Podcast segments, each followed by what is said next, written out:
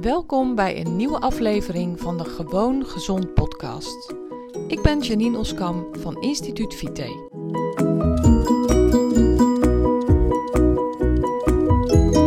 Hey, daar ben ik weer met een nieuwe aflevering van deze Gewoon Gezond podcast. Ik ben Janine Oskam en ik help mensen om hun gezondheid te verbeteren, zodat ze gezond oud kunnen worden zonder kwalen, klachten en medicijnen die ze niet willen. En um, ik ben op vakantie op Kreta. En ik heb echt iets geweldigs met je te delen. En uh, dat is in mijn vorige podcast. En die heb ik dus uh, ook vandaag opgenomen. Dus, nou ja, het is nogal wat. Ik heb jullie nogal wat te vertellen hier. Maar uh, vertelde ik dat ik heel graag nog een olijfoliefabriekje zou bezoeken. En uh, nou, dat hebben we ook eigenlijk gewoon vandaag gelijk gedaan. En het was fantastisch. Ik kan niet anders zeggen. Ik ben gewoon echt helemaal hyper de pieper ervan. Het was echt zo ongelooflijk leuk. Mocht je ooit in de gelegenheid zijn om bij zo'n klein fabriekje uh, op bezoek te gaan, nou, het is echt super. Weet je, we kwamen daar aan. Um, in het hotel hing een, uh, of hangt een uh, soort aanplakbiljetje, zo'n postertje. En daarop staat uh, de fabriek. En er stond ook aan welke weg die lag, of in ieder geval op welke route. Dus we hebben daar een fotootje van gemaakt en zijn op pad gegaan. We hebben hier een klein huurautootje, dus het is heel erg makkelijk om onszelf te verplaatsen. En uh, zo op het eerste gezicht te zien was het zo'n 10 kilometer vanaf ons hotel, dus heel goed te doen. Dus Rien zei ook tegen mij, zei, ja laten we maar gelijk gaan, dan, dan gaan we eens kijken hoe het daar is. En uh, zo gezegd, zo gedaan. Dus ja, een kilometer of tien zo geslingerd hier door, uh, door de, de ruige omgeving. Want dat zijn we natuurlijk in Nederland niet gewend. Maar het zijn allemaal bossen en, en of nee, niet bossen, bergen en paden en waar je dan doorheen slingert. En op een gegeven moment zagen we inderdaad een heel klein betonnen gebouwtje. Waar dan inderdaad het bord voor stond wat overeenkwam met het plaatje op de poster. Dus ik was heel erg blij dat we een fotootje hadden gemaakt. Want zo konden we ook zien dat het inderdaad dat was. Want ja, weet je, in mijn hoofd denk ik dan een uh, olijfoliefabriek. Nou, in mijn hoofd was het veel groter dan het in werkelijkheid was. Maar ja, dat maakt het ook ineens wel heel erg schattig of zo. Dat ik, dat ik ook beter dat uh, erf op durfde rijden. Ik reed trouwens zelf niet, Rien reed. Maar dat ik me minder bezwaard voelde om daar uh, inderdaad te stoppen en te gaan kijken. Want we, hebben, we zijn dus gewoon op de Bonnefoy gegaan. Daar stond ook op het uh, postertje dat je eventueel een afspraak kon maken. Maar zei, nee joh, kom op, we gaan gewoon kijken, we zien het wel. Nou, toen kwamen we daar aan en toen uh, kwam er net een andere man en vrouw naar buiten. Met een tackle, een black and tan tackle. Dus ik was direct helemaal vertederd, want die tackle leek heel erg op Kruimel. Kruimel is met ons niet mee op vakantie. ik dacht, ah, wat een leukje. Dus even een praatje met die mensen die bleken uit Rusland te komen, volgens mij. Ja, als ik het goed heb. Spraken goed Engels en vertelden ook eigenlijk heel enthousiast over uh, dat ze heel erg leuk waren ontvangen door de eigenaar van de fabriek. Dus um, na het praatje en even de tackle te hebben geaaid, het was echt een schatje zijn we naar binnen gegaan en daar stond uh, een man. En inderdaad stonden er op een, uh, ja, op een, op een houten tafel wat productjes uitgestald. Stonden wat uh, blikjes en flesjes olijfolie en stonden ook nog wat andere lokale producten. Stonden ook nog wat potjes met olijven die ze daar verkopen. En die man die was eigenlijk direct heel erg gastvrij en enthousiast. En zei tegen ons van, goh, zal ik wat meer vertellen over het proces. Nou, dat is natuurlijk super leuk, want wij kregen echt gewoon één op één een rondleiding door die fabriek. En, uh, en die fabriek, dan moet je niet voorstellen dat dat drie hallen uh, zijn uh, zo groot als wat. Nee, het was gewoon dat betonnen gebouwtje en daar staat dan een soort, ja, daar stonden olijven wassers, olijvenmaler en pers. En, en ja, goed, in, hoe groot zou het geweest zijn? Nou, ik denk alles bij elkaar 20 bij 10 meter. Dat was de hele fabriek. Volgens mij zat er dan achter ook nog wel iets. Maar het hele, de hele fabriek was dat. Maar dat maakte het ook super leuk. En die man was, was nog een jonge man. En hij, uh, hij was heel enthousiast. En zeker toen hij merkte dat ik heel erg geïnteresseerd was. En uh, ook wel wat dingen wist van bepaalde vetzuren. Raakte die eigenlijk nog veel meer enthousiast. En vertelde die ons echt alles over, uh, over het proces en over hoe dat dan gaat. Die man was ook super trots over wat hij deed en was super trots op zijn fabriek. Natuurlijk, dat mag hij ook zijn. En ook heel erg overtuigd en enthousiast uh, van de gezondheidsvoordelen van goede olijfolie. En dat ben ik ook. Dus dat maakt het gesprek natuurlijk ook ongelooflijk leuk. Um, ik gebruik in mijn programma uh, gebruik ik een, uh, een, een omega-3 olie. Wat gemaakt is van vis. Ik zal je daar in een andere podcast, ga ik je daar echt nog een keer apart wat over vertellen. Want er is ook echt heel veel over te vertellen. Maar in die olie zit ook olijfolie uit Kreta. Niet olijfolie die in dit fabriekje werd gemaakt.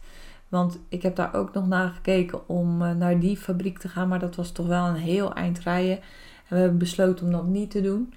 Maar um, ik ben dus super enthousiast van, over olijfolie van Kreta.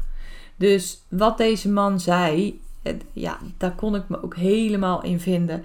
En wat ik ook super leuk en fijn vond, is dat ik al best wel heel veel weet van olijfolie. Maar dat ik dus ook nog super veel van hem kon leren over de olijfolie.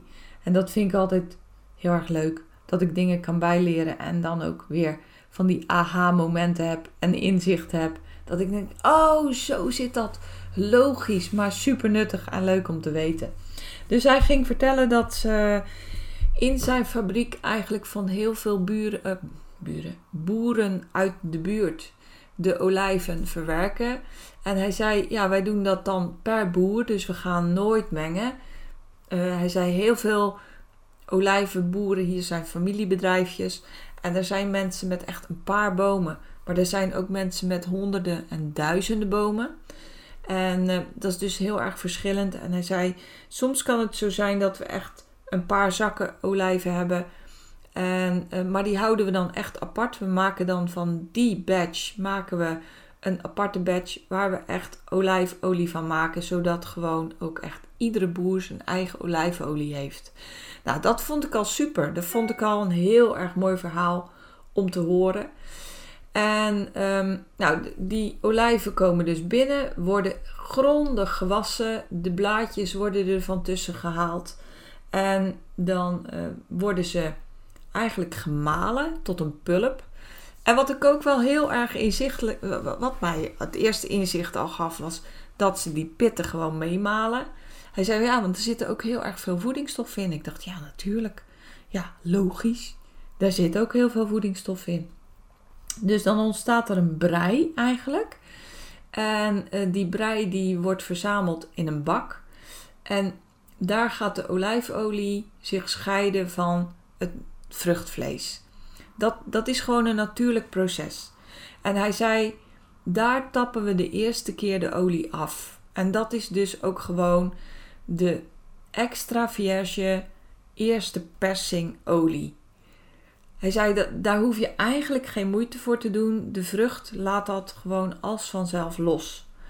Hij zei we werken hier met op kamertemperatuur en dan moest ik ook al wel heel erg lachen. Want hij zei ja, zo'n 30 graden. Ik dacht nou, ik zou wel zo'n kamer willen. Ik hou namelijk van warmte en heb het heel snel koud. Dus het is voor mij de droomkamertemperatuur. Dus dat was ook al het eerste moment dat ik eigenlijk wel heel erg moest lachen. En hem vertelde dat in het land waar wij vandaan komen, kamertemperatuur zo'n, nou ja, 20 graden, dan heb je het wel gehad. dus bij hun is dat 30 graden. Vond ik ook, want zo zie je dat dat ook een ruim begrip is en een rekbaar begrip. Um, maar dan wordt dus de, de olijven worden niet verwarmd. En dat is ook al heel erg belangrijk. Want bij verwarming oxideert die prachtige pure olie heel snel. Dus het is heel belangrijk dat die olie niet verwarmd wordt en dat de vrucht niet verwarmd wordt, zodat er ook gewoon veel minder kans is op oxidatie. Nou, die eerste prachtige olie wordt afgetapt. En dat is dan eigenlijk de meest zuivere vorm. En hij vertelde ook dat er natuurlijk ook residuen, dus resten in zitten van uh, andere stofjes. Maar die zijn juist super belangrijk om een hele goede kwaliteit te krijgen. De zogenaamde polyfenolen. Polyfenolen zijn fracties van stoffen, hele kleine stofjes, die bijvoorbeeld zorgen dat zo'n olie ook niet te snel oxideert. En geoxideerde olie is ongezond, want dan ontstaan er uh, verbindingen die juist giftig kunnen zijn en slecht voor je gezondheid kunnen zijn. Dus uh, ook voor jou een tip als je olijfolie koopt, let erop dat het een ongeoxideerde is. Dus zorg ervoor dat het altijd koel is bewaard, dat, dat het in donkere flessen zit, zodat het gewoon niet snel kan oxideren. En bewaar het zelf ook altijd koel en donker. Heel belangrijk voor olijfolie. Um, nou, hij vertelde dan dat dat dan ook weer verder ging en dat er eigenlijk nog twee keer olijfolie uit de pulp wordt gehaald. De tweede keer gebeurt dat dan uh, bij, met centrifugeren. Dus dan wordt zeg maar de olie eruit geslingerd en wordt, uh, wordt de pulp van de olie gescheiden op die manier. En de derde keer gaat dat doordat ze dan uh, ja, water toevoegen en uh, dan nog een keer die, die olie eruit halen. En hij vertelde ook van ja, dat is de minst goede kwaliteit en die wordt normaal gesproken ook gebruikt voor de cosmetica. Dus om zeep van te maken en uh, om uh, voor andere cosmetische doeleinden te gebruiken. Nou, ik vond het echt super leerzaam, heel erg leuk. En um, hij vertelde ook vol trots dat op Kreta mensen, ik meen even uit mijn hoofd gezegd, meer dan 30 liter olijfolie per jaar gebruiken per hoofd van de bevolking. Dat is natuurlijk mega veel, moet je je eens voorstellen. 30 liter, dat is zo'n 3 liter per persoon per maand. Ja, iets minder. Maar nou goed, ik stelde me dat even voor. Ik dacht, nou, dat is best wel een beetje olijfolie. En hij heeft me ook verteld hoe je, hoe je het kunt gebruiken uh, koud. En ja, wat ook nog een hele belangrijke was, en wat ik eigenlijk ook al wel wist, maar wat ook voor jou heel belangrijk kan zijn, is de zuurgraad van olijfolie. Is super belangrijk om te kijken hoe goed de kwaliteit is. Hij zei die zuurgraad moet om gewoon goede kwaliteit te hebben onder de 0,8 zijn. Maar hij vertelde dat de zuurgraad bij hun onder de 0,2 zit. En ik weet dat de olijfolie die wordt gebruikt in de Pure Arctic Oil die ik gebruik in mijn programma nog lager is. Dat is echt een super goede kwaliteit. Maar hij zei, weet je, die zuurgraad is heel belangrijk. Maar eigenlijk nog belangrijker is de geur en de smaak van de olijfolie. Dus we hebben toen ook een olijfolieproeverij gekregen. Nou, dat is weer eens wat anders dan een wijnproeverij. Maar echt super om dat mee te maken. Want je proeft ook inderdaad gewoon het verschil. Hij zei, weet je, er zijn smaken verschillen. En de meeste mensen houden van een beetje fruitige, soms zelfs zoetige olijfolie. Nou, ik zelf hou wel van een beetje pittige, tikje bittere olijfolie. Dat vind ik gewoon lekker. En hij heeft verschillende smaken laten proeven. En ja, echt super leuk om te proeven wat een verschil daarin zit. Het is echt werkelijk net als wijn proeven. Zoveel verschil zit er ook tussen. Terwijl, ja, Weet je, wij hebben hier in Nederland, kunnen we in de supermarkt een paar olijfolies kopen.